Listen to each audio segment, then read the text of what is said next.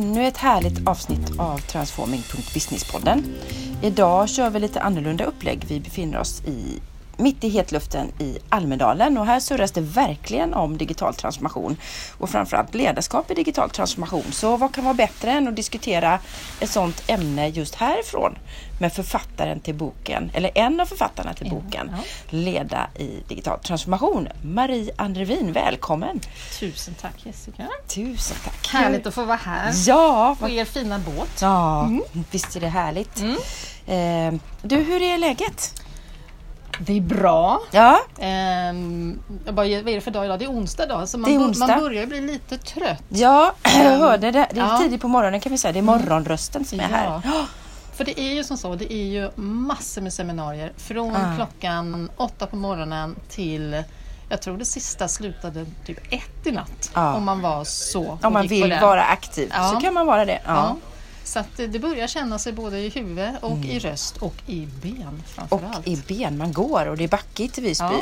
Mm. mm. Jag tror jag gick säkert en och en halv mil igår ja. enligt min stegräknare. Ja. Vi ska ju, jag tänker att vi ska, och säkert under vägen också, referera lite till vad vi har tagit del av här. Ja. Eh, men jag tänker också att vi kan avsluta med någon punkt eh, vad vi har tagit med oss och vad vi har spanat in här. För det vill säkert lyssnarna höra. Absolut. Eh, men innan vi kastar oss in och pratar om den här fantastiska boken så vill jag gärna veta lite mer om dig och hur din resa har sett ut. Hur har du hamnat där du har hamnat? Vad kommer det sig att du har valt de vägar som du har valt? Ja, ehm, och det vet jag ju inte. Eh, tack för frågan. Nej, men det där är alltid svårt att svara på och frågan är vart man ska börja någonstans. Men ehm, en, en kort, eh, så här, kort resumé.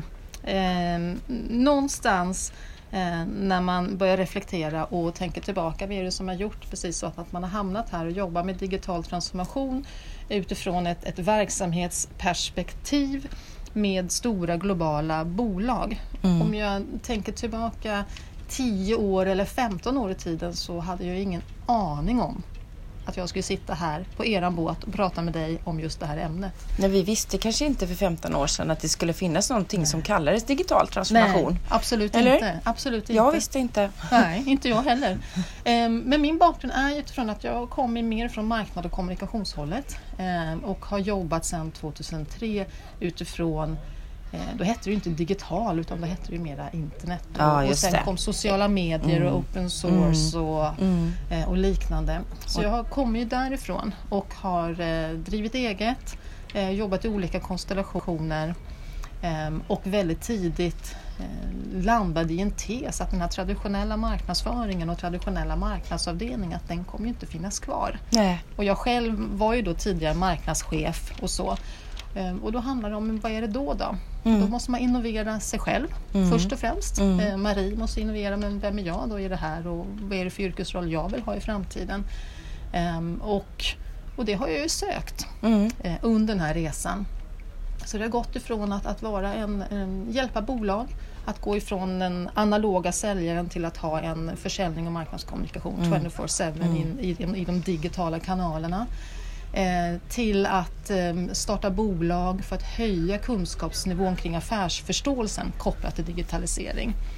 Eh, och då var det specifikt inom marknad, kommunikation, försäljning och mm. service och mm. support eh, områdena. Eh, och sen i, nu springer tiden på, men 2011 då träffade jag Joakim Jansson. Ah. Eh, vi jobbade tillsammans på en digital byrå som då hette The, The Born Family.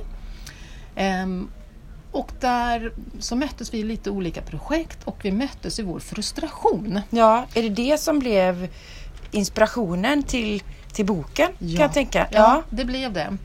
Um, frustrationen gjorde ja, ja, frustrationen gjorde att uh, vi ville förstå bättre, vi ville förstå mer. Um, vad är det som gör att vissa bolag lyckas bättre än andra? Mm. Uh, och där 2011 så när man ville se på framgångsrecepten, då hade vi bara de stora amerikanska bolagen vi tittade på. Mm. Och, eh, jag tänker traditionell marknadsföring, när man har läst så har det varit mycket Procter Gamble och Blöje ja. som man ja. har tittat på. Mm, och konsumentsidan. Och konsumentsidan, ja. Mm. Um, så där kände vi också att eh, det måste ju finnas mera svenska eller mera skandinaviska mm. goda fram, mm. framgångsrecept. Hur, hur gör man om man lyckas med det här? Um, men där startade i alla fall liksom fröet och, Mm. och vi började diskutera, men kan det ha någonting med digital mognad? Ehm, och när vi pratade om digital mognad då 2011 då fick vi frågetecken tillbaka. Folk tittade på oss och Ja. sa, men vad är det ni pratar om? Så, ja, vi visste inte Det riktigt fanns själv. inte så mycket Nej. digital mognad. Nej. Nej, och begreppet fanns inte heller sådär. Ehm, sen gick det en stund. Ehm, och Joakim han, han tjatade på mig så här, men Marie ska vi inte göra det här? Ehm, men då hade jag precis startat eh, ett, ett bolag, då, Digital Intelligence, jag var ju en startup. Ja. Och jag kände så här, men jag har inte tid med det här. Nej, nej, nej, Nej. nej jag vill inte. Nej, det är ju ett heltidsprojekt att skriva en bok. Det Ja. inte... Ehm, så två år senare. Mm. Så, Två år senare, Ja, så, 2013. ja, där, ja, Ja. så knackade Joakim på dörren igen och sa så här, vet du vad Marie, jag vill verkligen att vi gör det här. Mm. Ehm, skam den som ger sig. Eh, och då var jag mer redo. Och då sa jag så här, okej, vi kör det här. Mm. Vi kör det som ett projekt för att förstå. Eh, och då satte vi upp tesen att, eh, vår tes var, som vi ville liksom belägga, var att digital mognad, Den här Digital Maturity, Matrix, med, ja, ja. som är fantastiskt bra, Härligt, tycker jag. tack. Ja, så tydlig. Ja, vad bra. Mm. Eh, och då vill vi belägga att ju högre digital mognad ett bolag har, desto mer konkurrenskraftig blir man. Mm. Så det var någonting som vi ville försöka förstå och se, är det så? Ehm, och Joakim, han är den som är lite mer snabbfotad utav oss. Han sa det här går snabbt, det här blir enkelt, det tar ett år, ett och ett halvt. Ehm, det tog tre och ett halvt år. Ja, jag tänkte ju säga ett och ett halvt år. Det är ju en gedigen bok alltså. Det var... Mm. Ja. Mm. Eh, och ju, ja, ni vet ju hur det är, ju mer man börjar gräva någonting, liksom, djupare går man och djupare Ja. går man. Och sen så har man vissa teser man försöker belägga och under den här resan så, så, så vart det ju väldigt tydligt att vi fick ändra det vi trodde Ja. var viktigt till någonting annat. Ja, men det är ju också en process tänker jag. När vi pratar digital mognad 2011 så är Ja. den ju inte likställd med digital mognad Idag. idag. Nej, inte Jag alls. tänker att det man tyckte var moget då kanske in, Alltså det är begynnelsen idag. Ja, Vi, det har ju hänt så otroligt mycket. Det går så fort. Det stämmer. Ja. Mm. Så det är lite liksom vem- jag är och, och, och resan. Så, så min resa har ju varit på något sätt att, att innovera mig själv Ja. i takt med, med utvecklingen och utifrån att genom förstå. Mm. Eh, Så lära sig själv för att lära andra. Eller? Ja, tack. Kan det vara så? Ja, Ja. så är det. Ja. De här företagen som ni pratar om, ni har ju Mm. valt ut ett antal personer som representerar olika verksamheter. Ja. Vad, du pratade lite om det, att ni tittade på vilka svenska bolag som hade viss mognad och sådär. Men Ja. vad var det som, som gjorde att ni valde just dem? Eh, Som ni valde ut? Ja, det var egentligen flera olika delar. En, en del var just att eh, när, när vi tittade på vilka kunde vi lära oss av, så som jag sa så var det egentligen bara de stora amerikanska bolagen. Ja. Eh, och det är svårt att förhålla sig till det. Eh, är man ett medelstort industriellt bolag någonstans i mitten av Sverige så kan man inte göra Google-grejer. Man, man, det går liksom inte att relatera till nej, det. nej, Eh, nej. och då ville vi hitta en spread av svenska och skandinaviska bolag. Allt ifrån verksamheter som har gått igenom eller som är i sin transformation, Mm. som, som, har, som har varit väldigt tidiga och det är mediebranschen. Mm. Eh, och sen ville vi hitta industriföretaget, vi ville hitta den lilla företagaren Mm. som jobbar mer utifrån sociala medier. Och Så att alla kan känna igen sig och relatera. Det är Ja. bra. Mm. Eh, och liksom visa på olika resor, olika framgångar då, och hur man har tagit sig an eh, transformationen då, på olika sätt. Eh, så det var viktigt. Eh, och när vi kom i den här fasen, när vi landade i att vi måste ju både se på liksom den akademiska litteraturen men sen måste vi koppla det till verkligheten. Mm. Eh, då kom en ny sån tes upp eh, som vi kände så här, men vänta nu, skulle det inte kunna gå att utveckla en, en metodik som funkar för alla bolag? Oavsett typ, Mm. oavsett storlek, Ja, för transformationen som sådan är ju samma. Den är ju samma. Ja, Mm. Oavsett vad du... Men då när vi satte den tesen, då var det ju inte så. Nej, man tänkte inte Man så. tänkte inte så. Ehm, kanske man inte gjorde. Nej. nej. Ehm, När, när satte ni den tesen? Vad, vad, vad var Åh, vi då? vet du Kanske en kuggfråga. Det kommer inte vi- jag ihåg. Nej. Eh, Joakim han, han har minne för detaljer men jag kommer faktiskt inte ihåg. Nej, utan men det var någonting någonstans som- innan 2015 i alla fall. Det var innan. Eh, ja, gud ja. Ja. Om vi satte igång 2013, kanske 2014. Ja. Den kom rätt så tidigt när vi började liksom ana nyansen av Mm. vad det här skulle kunna bli. Mm. Eh, så kom den rätt så tidigt faktiskt. Den är ju så fantastisk den här boken. Ja, vi har ju höjt den till skyarna lite och så. Eh, Eh, så vi kommer inte hinna prata om allt. Nej. Men eh, någonstans i början av boken så pratar ni om att surfa på vågorna. Ja. Och det tycker jag är så häftigt. Det är så bra metafor. Kan inte du berätta lite om den? Mm. Ja. Den växte ju fram i det här projektet och den växte ju fram egentligen för att vi medverkade på en konferens. Och så ville vi försöka beskriva den komplexitet på ett enkelt sätt. ja. Eh, För det är komplext Det är att, det. Att, att leda på mm, digital transformation. Det kan ju skrämma bort folk om man pratar om det i för Ja, tekniska termer. För ja. tekniska Mm. termer. Ehm, så då jobbar vi med det, så hittar vi då en, eh, liksom metaforen kring, kring surfaren och en surfares tre uppgifter. Och då är det som så, om jag ska vara med i en surftävling så står jag på stranden där med min fantastiska nyvaxade bräda. Ehm, och för att kunna vinna den här tävlingen så, så funkar det ju inte att stå kvar på stranden. nej. Utan jag måste våga och ta klivet och gå ner i vattnet. Du måste i vattnet ja. Du måste i Spelar ingen roll hur fin bräda du har. Nej. Och oavsett om jag är nybörjare eller om jag är superavancerad och duktig på det så måste jag i vattnet. Så första steget är att bara kliva i vattnet och börja paddla ut. Det pratar vi om att ta position, att paddla ut. Och när en surfare gör det så har ju de koll på liksom, vågorna kommer, Mm. hur grunt det är, hur djupt det är med strömmar och så vidare. Man, man förstår sina förutsättningar och där man befinner sig. Eh, Nästa uppgift är ju när man väl har kommit ut där. Och det är inte så lätt att komma ut Nej. med sin bräda. Man ska ju igenom de här vågorna också.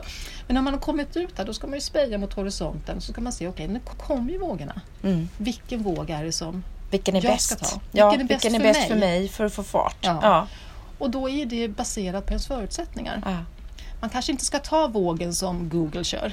Nej, den största. Den största, Nej. den här som är 25 meter. Det kanske inte är den rätta vågen. Utan man kanske ska börja med den här som är två meter. Mm. Som man knappt ser, den bara dynar lite. Men framförallt Mm. om vi tänker att man, fakt- man har en fin bräda och så vidare men man, eh, man kanske inte är jätteerfaren. Nej, exakt. Och sen när vågen kommer så ska man ju försöka göra det mesta utav den. Mm. Och surfa på den så länge man tycker att det är lämpligt. Och Just sen det. ska man ju hoppa av. Just det. För att ta nästa För våg att ta då. nästa våg och paddla Ah. ut och spana på Ja. horisonten. Och då menar vi att en surfares tre uppgifter är precis de tre Mm. uppgifterna jag då som ska leda transformationen också har.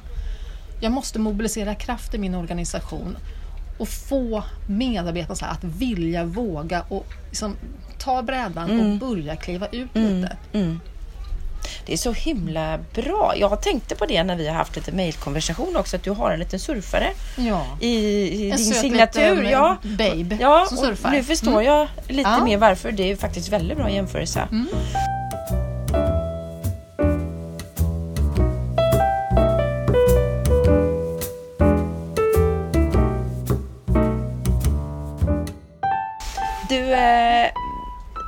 Ni har också pratat om förändringsledning mycket.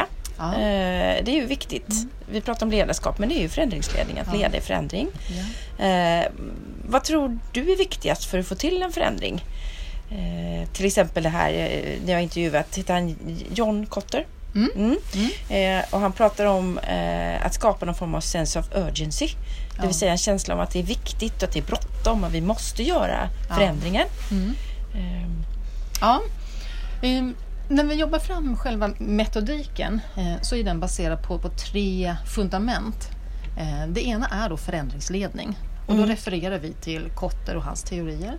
Det andra är då innovation och då refererar vi till Roger och hans teorier. Och det tredje fundamentet är då digital mognad. Så tillsammans med att ta sig an och försöka förstå innovationer med hjälp av förändringsledning så kommer vi tid att öka vår digitala mognad. mm. Så de här tre tillsammans då menar vi ökar då konkurrenskraften. Och förändringsledningen blir ju så oerhört viktig för det är ju en komplex förändring som vi behöver gå igenom. Och när jag Mm. säger vi, då menar jag jag som individ, jag Marie, privatpersonen. För jag befinner mig i ett sammanhang, ett samhälle som är i omställning. Mm. Men också jag, Marie, i min yrkesroll Mm. som rådgivare i digital transformation. Det förändras ju hela tiden och Mm. här måste jag då ha en vilja till att Mm. förändras. Jo, för det är ju du som gör det. Även om du är en privat och en Ja. professionell person så Ja. är det ju ändå samma, tänker Ja. jag. Samma värderingar och vilja. Mm. Och det där är inte så lätt. Eh, för det är ju också tillbaka till hur är jag, alltså min, min personlighet, eh, vad har jag för egenskaper som gör att jag är mer villig till att göra annorlunda imorgon. Mm. Eh, Den miljö jag jobbar i, alltså min organisationsmiljö och den kultur, gör den att det, att det är lätt att förändra? Eller Kulturen måste ju vara jätteviktig. den är jätte, jätteviktig. Och, och nu är vi ju i Almedalen där det är det offentliga som står i fokus. Och där kan vi ju bara tänka att de har ju haft en det offentliga har ju haft en förvaltande kultur och en förvaltande Mm. styrning i flera hundra år. Mm. Och nu de senaste tio åren så börjar man så man ska ju förändra sig och jobba mera snabbfotat, man ska jobba mer på tvärs, man ska jobba mer i samarbete. Mm. Och vi som har, har jobbat eh, tillsammans med offentlig sektor under en längre tid, fall jag har ju mött att samarbeta med den privata sidan för 10-15 år, år sedan, det var inte okej. Det går ju inte. Nej, nej, Eh, nej. Jag har varit med i olika så här, eh, remissinstanser och liknande och kommer jag då från privat sektor så är mina åsikter mindre värda. Ja. Du ses lite som en eh, utomstående eller som inte... Utomstående. Ja, för, för, ja, för, för, med det, helt för det andra- privata är ju där för att profitera. Ja, och så är det ju inte. nej. Men det där är ju en kultur och så, Mm. det är inte så hos alla, det måste jag säga, men det Nej, är nej, en sån vi- kultur. Och ska man få till då förändring Mm. och det finns en sån kultur, det finns en såna eh, ska man säga, riktlinjer att det, det är så här vi agerar, det är så här vi ska arbeta, då blir det väldigt svårt. Ja. Eh, Så förändringsledning, att leda människor i, i den här förändringen är, ehm, det är, det är en förutsättning. Mm. Eh, Och då kommer vi in på ledarskapet och, och vi kommer Mm. in på mycket utifrån självledarskapet.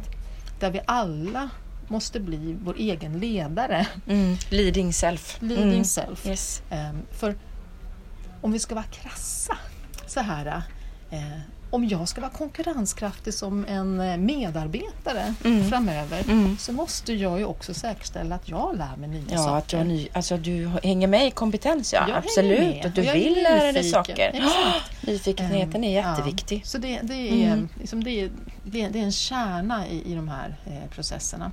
Bra. Mm. Ja, ledarskapet ja. Ja. Mm. Superviktigt. ja, men det är det. Och, och le- ledarskapet eh, hos alla, Mm. den är jätte, jätteviktig. Ehm, det vi har lärt oss ehm, från att vi klart, jo- jobbade fram eh, innehållet i boken eh, men också under de här åren då som vi då har jobbat med, med transformation är just att, att leda den här komplexa förändringen. Och där har vi identifierat att eh, vi rekommenderar att man jobbar med fyra parallella processer. Fyra processer. Mm. Ja. Okej. Och den ena processen är att identifiera vad är det för förändring som vi måste få till Mm. för att kunna transformera oss. Mm. Eh, Just det. Och tänker Mm. du då att man gör, kopplar det till visionen? Det är inte, för förändringen blir ju ett led av vad, vart man vill nå. ja, Eller? ja, exakt. Och, och där är ju också lite så här utmaningen. Eh, för hos vissa organisationer så är ju förändringen så stor så man vet ju inte riktigt vart man är på väg någonstans. Nej. Nej men det går Och- ju, det svänger ju också. Ja. Det är ju inte bara organisationen utan det är ju samhället och kunder. Och, Ja, allting. Eller hur? Mm. Jag var och lyssnade här eh, på Almedalen kring, kring utbildning och kring Ja. högskolan. Eh, och där gick jag hem sen och så började jag re- reflektera, så här, vad var det de sa egentligen? Och min slutsats av det de sa, det var att högskolan är inte relevant. Nej. Det, och, och då var det så här, okej, De börjar ju... Alltså, folk har ju slutat högskolan kanske 1990 ja. och sen har man inte utbildat sig Vidare. vidare. Nej. Mm.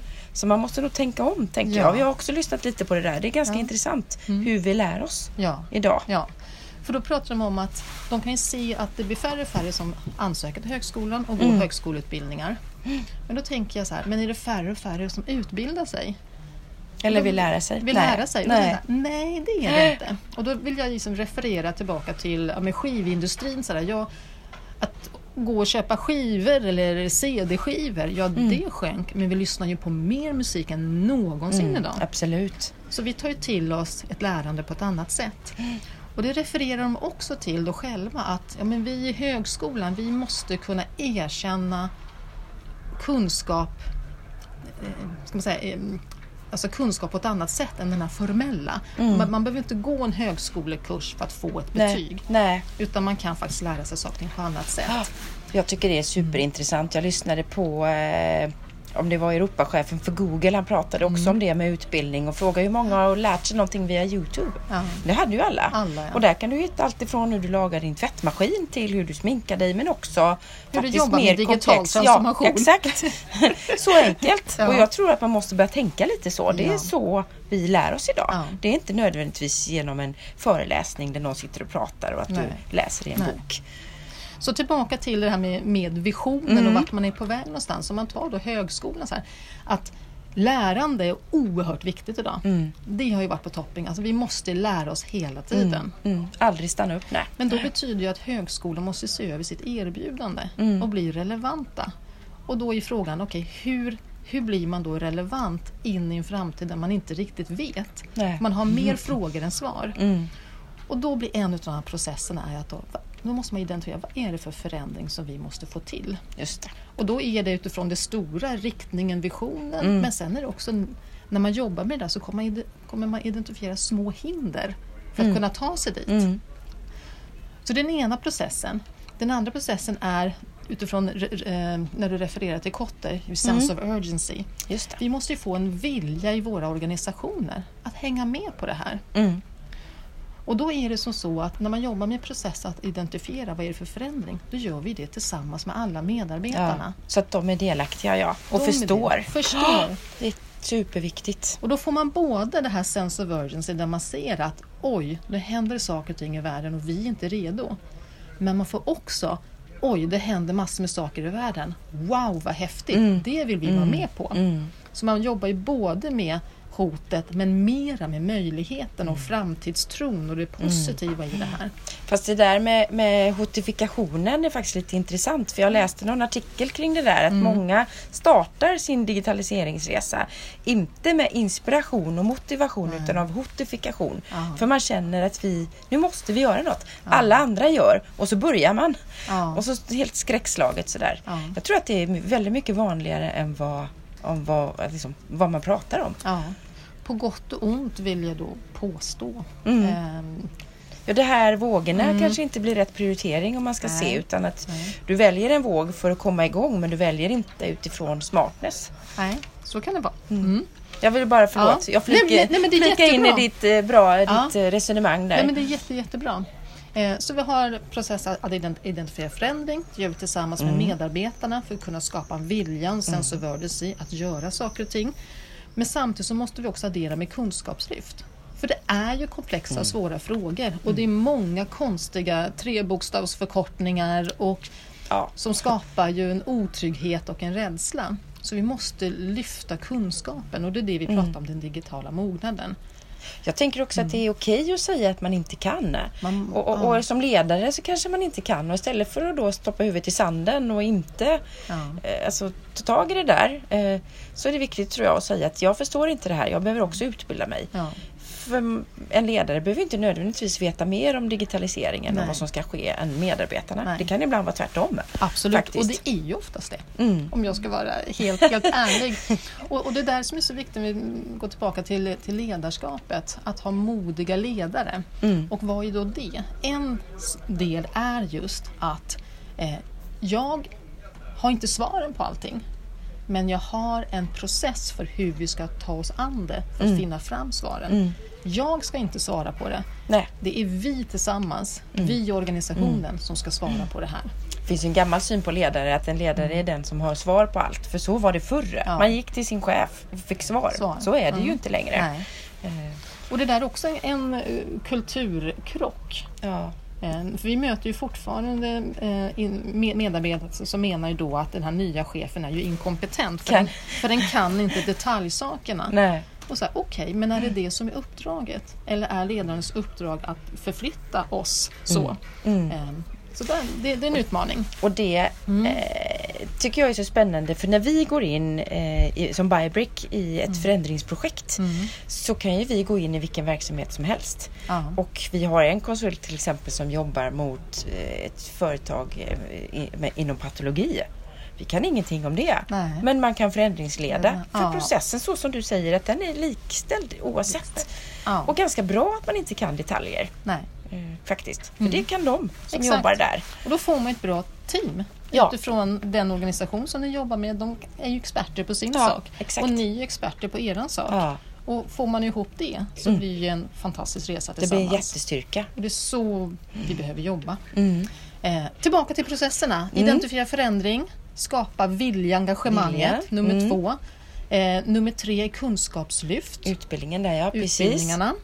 Och nummer fyra är det här att gå från stranden och hoppa i vattnet. Att komma igång Att och komma börja igång. göra. Bättre att våga komma igång. Mm. Och det här är ju också någonting som många organisationer tycker är jobbigt för man vill gärna åka iväg två dagar och ha sitt, sin strategikonferens, komma tillbaka med affärsplanen uppdaterad och säga så här gör vi. Mm. Det här sättet att arbeta är helt tvärtom. Mm. Man tar inte fram den här liksom, strategin på det sättet. Utan det, Femårsplanen, Nej. strategi. Nej. utan det gör man iterativt Ja. i den här processen. Med att förstå vad det är för förändring, skapa engagemanget. För de som oftast vet bäst i den här snabbföränderliga världen där beteendena förändras jättesnabbt. Det kommer fram nya produkter och tjänster digitala som man kan använda sig utav och nya teknologier. Det är ju oftast inte ledningsgruppen Nej. utan det är ju organisationen. Som sitter närmare Som sitter både närmare. kund och verksamhet. Absolut. Ja. Så då får ju ledningsgruppen en annan, ett annat uppdrag i en transformation. Mm. Så den är ju också spännande. Mm. Och sen att komma igång är ju en lärande process. Så man börjar med små saker. Mm. Vi pratar om de lågt hängande frukterna. Ja, pratade exakt. du och jag om ja, tidigare ja, förut. Ja, Att börja med det, Mm. då visar man också på framgångarna. Ja. Och att det blir bra, för när det börjar gå bra och man börjar komma igång, då Ja. får man ju motivation av Motivation. det. Det här går ju bra. Ja.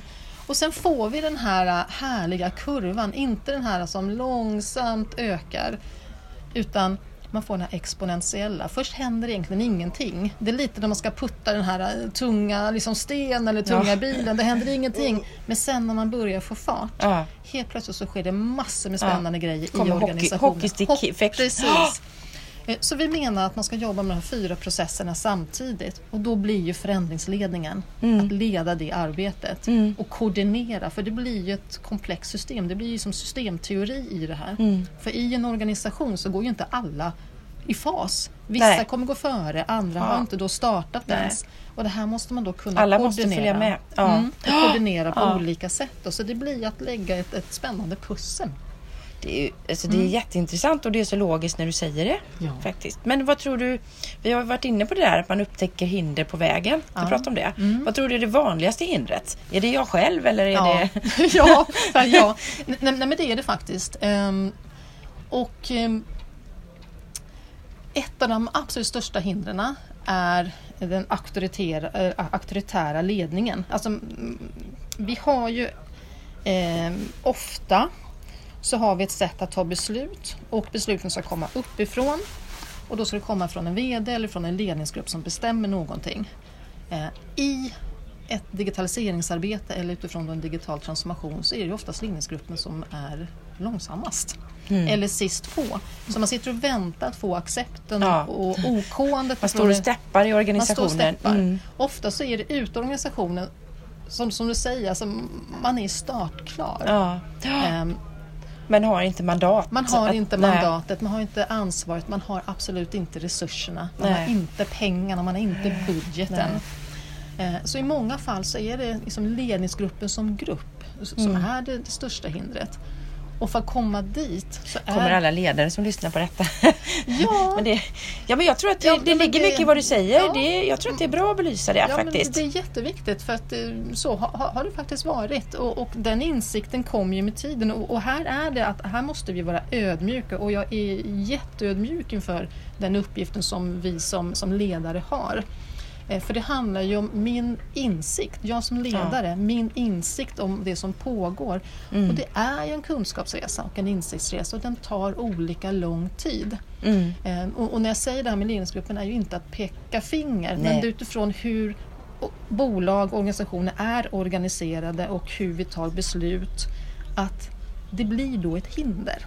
I det. Och man pratar ju mycket, nu pratar vi Almedalen igen här, men man pratar ju mycket om det och att det är viktigt som ledare återigen att faktiskt erkänna sina begränsningar. Och då kanske ge mandat till någon annan för att få lite fart. Ja. Eh, Och att det är bättre att vara det och att man blir större som ledare än att man faktiskt sitter på beslutet Ja. och inte riktigt vet. Och sen ska vi ju komma ihåg att eh, alltså vi som jobbar idag i de här positionerna, vi har ju aldrig gjort det här förut. Nej, det är nytt. Det är nytt Mm. för oss. Sen har vi gjort det liksom historiskt. Så, alltså Jo, industrialismen jag och liknande. exakt, men det är ju inte samma. Nej. Nej. Och vi har liksom, det finns ju inte något liksom svar sådär som funkar på alla. Och, och, och det är därför som, som vi jobbar så hårt med att men då är det viktigt med processen. Mm. Svaren kommer längs med processen. Och ju högre digital mognad förmåga man då får i sin organisation så kommer man hitta sina svar. Sen kan vi ta lärdomar från varandra och skapa utbyten och, och diskutera massor. Det gör vi. Eh, Men det är viktigt blir då processen blir ju viktigare än att man ska sätta en strategi från dag ett och så Ja. ska vi bara köra. Men absolut. Eh, Och det är ett nytt sätt att arbeta på. Eh, Jag satt och funderade när du pratade här, för du har helt rätt. Och så satt jag och liksom tänkte iväg att man söker ju fortfarande väldigt många med ordet digital. Och man har fortfarande utbildningar som heter digital marknadsförare. Ja. Så någonstans så lever vi lite kvar ändå i det här gamla. Ja, vi är i en brytnings... Ja, eh, vi är, ja eller hur? Mm. Ja, eh, kommuner och, och så här, då har man en digital, alltså någon som är ansvarig för det digitala. Ja, Och egentligen borde man ju, det är ju en intressant roll, men allting är ju digitalt. ja. Så det är lite spännande att se. Ja. Eh, när kommer det försvinna? Och vi ser det som en naturlig del. Ja. Då har man kommit in i där vi pratar om accelerationsfasen. Just det. det är ett bolag, en strategi. Det digitala är någonting som bara finns. Det bara finns ja. Ja. Mm. Man Ja. har inte digital marknadsföring, man har man har marknadsföring. marknadsföring, Ja. man har kommunikation. Mm. Ehm, ja. Men det är ju en, som sagt en, en, en, en lång bit kvar om vi ska se på eh, hela samhället så är det Ja. en lång bit kvar. Vi, vi pratade lite om det här hur långt man har kommit och, Ja. och man hör olika procentsatser. Vi behöver inte Ja. nämna några här då. Men hur långt tror du att man har kommit generellt i Sverige i företag? Hur, om vi nu säger från Ja. 1 till 100. 1 till 100. Vi, vi, har ju vårt eget mognadsindex där, där man kan ju mäta sin digitala mognad. Ehm, och egentligen så, så vill jag faktiskt inte svara på det för Nej. alltså, det är så oerhört svårt. ehm, och vi är på, på aggregera... Alltså jag tycker inte att det går, går att säga en siffra för vi är så Nej. olika typer av verksamheter. ehm, och vissa har ju redan gått igenom en transformation. Mm. Men de är på väg in i nästa transformation. Ja, det tar ju inte slut. Det tar ju inte slut. Nej. Så det är lite att liksom jämföra äpplen med päron. Och, utan där tycker jag det är absolut viktigaste för, för alla er ledare där ute, det är att förstå era egna förutsättningar. Mm. Eh, jämför er inte med andra, jämför er med er egen förmåga och hela tiden se till att öka den förmågan. Vi, Eh, vi gjorde faktiskt en undersökning där vi frågade offentlig sektor och vi frågade näringslivet hur långt man har kommit och man ansåg ett 48 procent. Och då är ju det... det Av vad? Av vad egentligen? Frågan är ju... Man får ju de svar man frågar efter men Ja. det är ändå intressant att se hur man rankar. ja. Eh, Och, och vi jobbar ju också med det, alltså utifrån att man får självskatta sin digitala mognad och då får man någon form av siffra. Sådär. Eh, och och det, är ju, det är ju bra för man, försöker, man måste ju försöka få en bild av ens egen verklighet på något sätt. Eh, men sen görs det ju en mängd olika eh, internationella undersökningar och studier och där Ja, man rankar Gartner, Sverige ja. som, som, som land och så vidare. Och, och där kan Mm. vi ju se att alltså, Sverige har ju fantastiska förutsättningar. Vi har en fantastisk infrastruktur som skiljer sig från Mm. något annat land eh, i övriga världen. Eh, däremot så har vi en lägre förmåga att faktiskt kunna göra någonting väldigt bra av det. Ja, vi har ju olika... Så det, alltså, det är två olika saker. Ja, så kan det vara. Jag tänker att vi, vi är ju väldigt digitala vad det gäller att betala till exempel. Vårt beteende. Ja, vårt beteende. Vi har en hög penetration av sociala medier och Ja. sådär. Ja. Så vi har ju fantastiska förutsättningar. Mm. Det har vi. Det har vi. Eh, Men utifrån att eh, kunna skala på det, eh, göra smarta saker, där har vi en, en lägre förmåga. Och där kan man kanske se Ja, utifrån, liksom, eh, om man tittar på det, det akademiska, vi pratar om högskolan, alltså Mm. universiteten, de är ju absolut inne i en transformation där man måste se över Mm. sig själva i grunden. Jag tror att de har en fantastisk, alltså de har en jätteviktig position i vårt samhälle. Ja men det har de ju. Det är för bara de, att de måste mm. hitta de sitt, måste, sitt nya. Ja, sitt nya ja. Ja. Exakt. Och det offentliga samma sak där. Alltså vad är uppdraget för det offentliga Sverige framöver? Mm. Det påverkas ju enormt utav de här stora förändringsvågorna som kommer. Mm. Och, och här i Almedalen så kan vi verkligen både se och höra att nu händer det massor. Alltså Mm. det, man är väldigt självkritisk och man gör många bra saker. Mm. Eh, Så det är jätte, Och bara att man har lyft upp det, det är ju en av de viktigaste. Vi pratar hållbarhet och vi pratar Ja. Mm. digitalisering och AI. Det är de tre orden man hör Ja. i stort sett här. Ja. Sen inom offentlig sektor och inom vården och så vidare. Ja. Men det har ändå med de tre Ja. orden att göra. Att, Och det tycker jag är jätte, jättebra. Mm. Ehm, och Sverige har ju en fantastisk digital vision. Mm. Att vi ska vara, åh, måste jag säga, hållbart digitaliserat Sverige. Hållbart digitaliserat Digitaliserat Sverige. Sverige. Mm. Mm. Och den är ju jättespännande tycker jag. Vad innebär det då? Vad innebär det? Ja. Får, jag, får jag ställa en fråga till dig Jessica? Vad är sådär, frågan? Nej, men så här, jag och, och Joakim åkte tillsammans med våra kollegor på DigJourney. Vi har funderat på den här frågan. Ja. Alltså, vad är hållbar digitalisering? Ja. Ehm, och börja ställa frågan till andra. Mm. För om vi ska ha ett hållbart digitaliserat Sverige så måste vi någonstans också kunna sätta ner foten. Ja. Men vad betyder Vad- det på ett ja. ungefär? Ett helt land som har en vision som ingen riktigt tolkar på samma Det är sätt. jättesvårt. Det är jättesvårt. Ja. för hållbarhet är ju Precis som digitalisering, det är ju vissa modeord sådär. Nu är det hållbarhet och Mm. så jobbar man med det utifrån olika perspektiv. Eh, men du ville ställa en fråga. Ja. Jag gissar, vill du, du undrar vad Ja, jag... vad är hållbar digitalisering för dig Jessica? Ja, eh, jag fick ju lite förvarning om det här så jag har ändå haft en, några minuter på mig att fundera. Och, eh, men någonstans tänker jag att digitaliseringen driver ju till exempel e-handel och att vi transporterar saker. Så att hållbar digitalisering är inte att jag kan beställa en t-shirt från Kina för 20 kronor som transporteras hem till mig och som jag kan returnera. Det är inte hållbart. Där måste vi ta ansvar. Ja. Eh, Det är också mycket kring hur eh, jag tänker miljön och allt som vi har och att vi skapar nya sätt att producera till exempel el. Vi pratar om elektrifierade bilar. Men det är inte miljövänligt om vi inte har en el som är miljövänlig. Eller hur? Och att vi faktiskt försöker få bort via nya eh, modeller att, att göra affärer. Man går i tjänstifiering pratar vi mycket om. Man går från produkt till tjänst. Och att man börjar samverka och titta utifrån kunden och miljöns perspektiv. Eh, och inte titta på sin egen lönsamhet i, i det korta pers- perspektivet. Det tycker jag är viktigt. Eh, det är nog hållbart. Eh, faktiskt, om man ska koppla det till digitalisering. Ja. Eh, absolut. Och att man också samkör mycket saker. Vi köper mat på nätet men så går det tre olika matleveranser ut. Ja. Det är helt galet Ja. på gatan. Alltså, eh, Så det finns många saker Ja. som man behöver styra upp. Men då kanske vi ska ställa en fråga till eh, alla lyssnarna. Ja. Så här, vad är hållbar digitalisering för dig som lyssnar på det här? Mm. Och eh, bidra gärna med dina tankar. Ja. Superintressant. Exakt, för det blir ju våran tolkning som faktiskt blir vad, vi, Vad det, vad det blir i slutändan. Ja. Ja. Mm.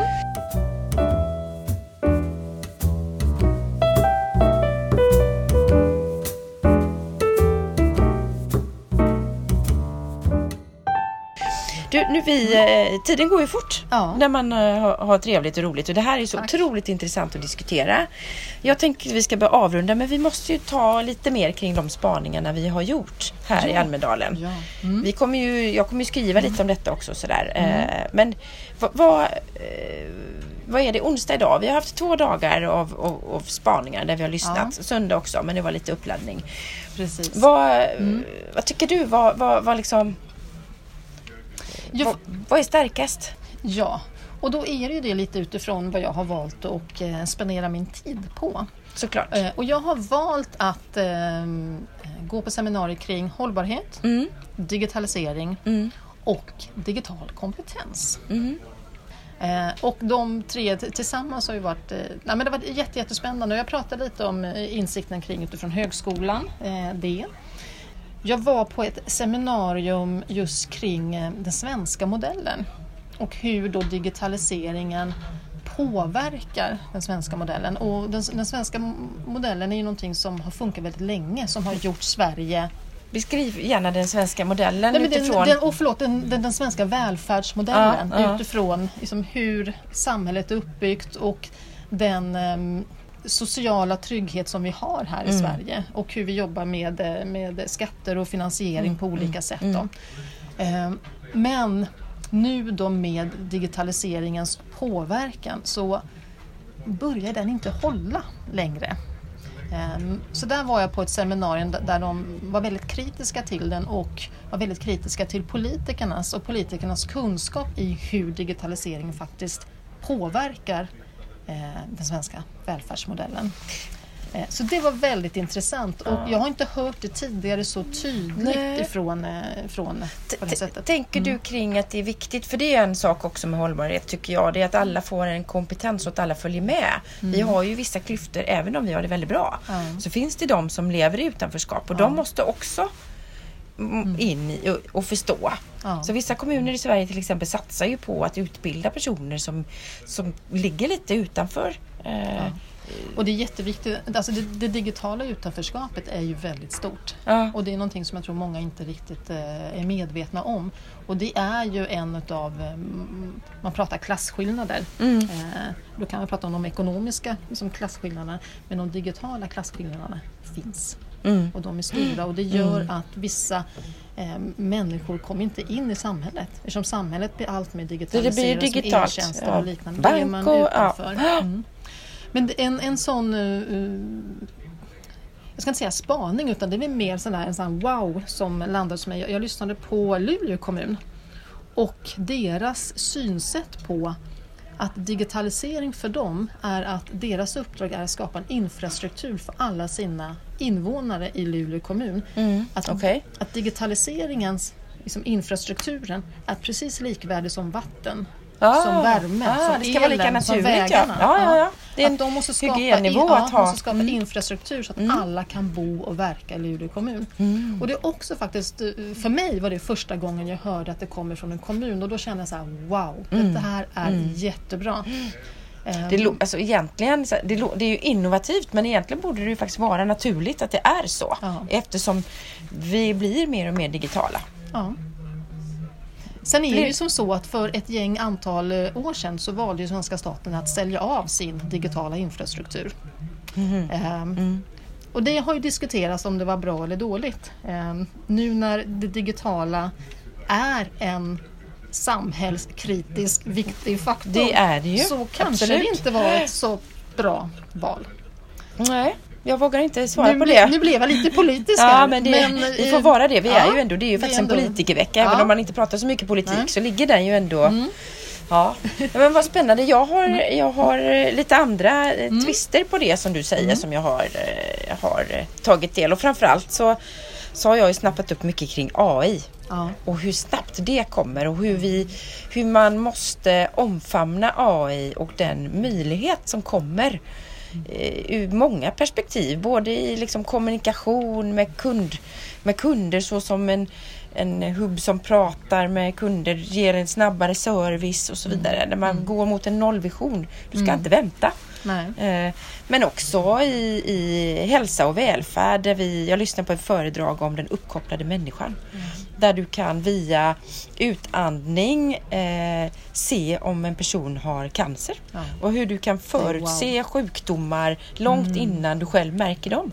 Genom att vi är uppkopplade. Ja. Sen är det där vem som äger datan och så vidare. Det är ju, och GDPR det är ju också en, en aspekt som är väldigt viktig. Men att, att eh, AI är ju då, eh, blir ju smartare än människan och mer rationell i beslutsfattande än en person av kött och blod med egna värderingar och rädslor. Ja. Det tycker jag är väldigt intressant. Ja.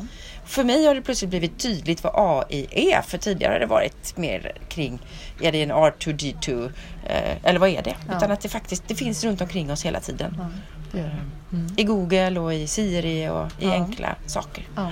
Så det har jag tagit med mig. Mm. Det är jätteintressant tycker jag. Ska jag... Jag tror vi var på, på eh, samma seminarium och det jag tog med mig också därifrån var just alltså med GDPR och Mm. de positiva effekterna.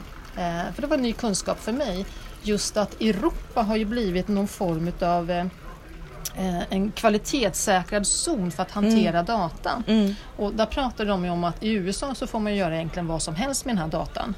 Och i Kina så kommer då per, hjälp mig var det 2020?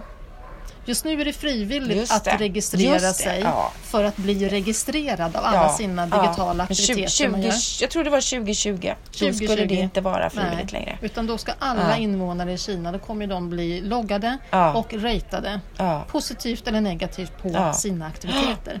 Och där skulle väl Mm. även Turkiet haka på tyckte jag jag hörde och Ja, så var vidare. så det sprider sådär bara några länder. och då är, vi, Ja. då är vi illa ute. Då är vi ett Ja. övervakningssystem plötsligt. Där du kan sitta i en anställningsintervju som han berättade och säga du, har, du ska ha 1000 poäng. Du har 700 poäng för du har gått mot röd gubbe. Eh, Eller du har spottat ut ett tuggummi på gatan. Mm. Ja, det tycker jag är, det är skrämmande. Dit vill inte jag. Nej. Och då var det så här utifrån att Europa och Mm. just med GDPR som ett verktyg eh, att då har vi ju skapat något form av, eh, tycker jag, en konkurrensfördel att Mm. agera inom ramen av eu- europeiska gränser. Eh, Integritet också. Ja, och den är ju spännande att följa framöver, eh, tycker jag. Mm. Var lite sån insikt. Mm. Spännande att se när vi, om vi sitter här nästa år Ja, vad som har hänt. ja, Eller hur? För Ja. säkert kommer vi få ännu mer. Alltså, det går ju snabbt hela tiden. Och, och vad som är på tapeten då. Ja. Om det kommer upp något nytt. Jag tror att digitalisering kommer på tapeten. Jag tror Nästa att den kommer. också. Ja, säkert AI också. Och GDPR. Sådär. Du, superintressant Ja. att ha dig med. Det Tack. var jättekul att, att få ta del av dina klokskaper. Ja, faktiskt. tusen tack Jessica, tack för Ja, inbjudan. eh, Nu ska jag springa vidare. Nu Ja. ska jag prata om digital kompetens ja, men exakt. Det är i ju snart. offentlig sektor. Det är alldeles snart. Ja, Mm. just det. Bra, men då eh, tackar vi för nu så får du ta dina saker och hasta vidare. Ja. Underbart. Ja, Tack tack. tack.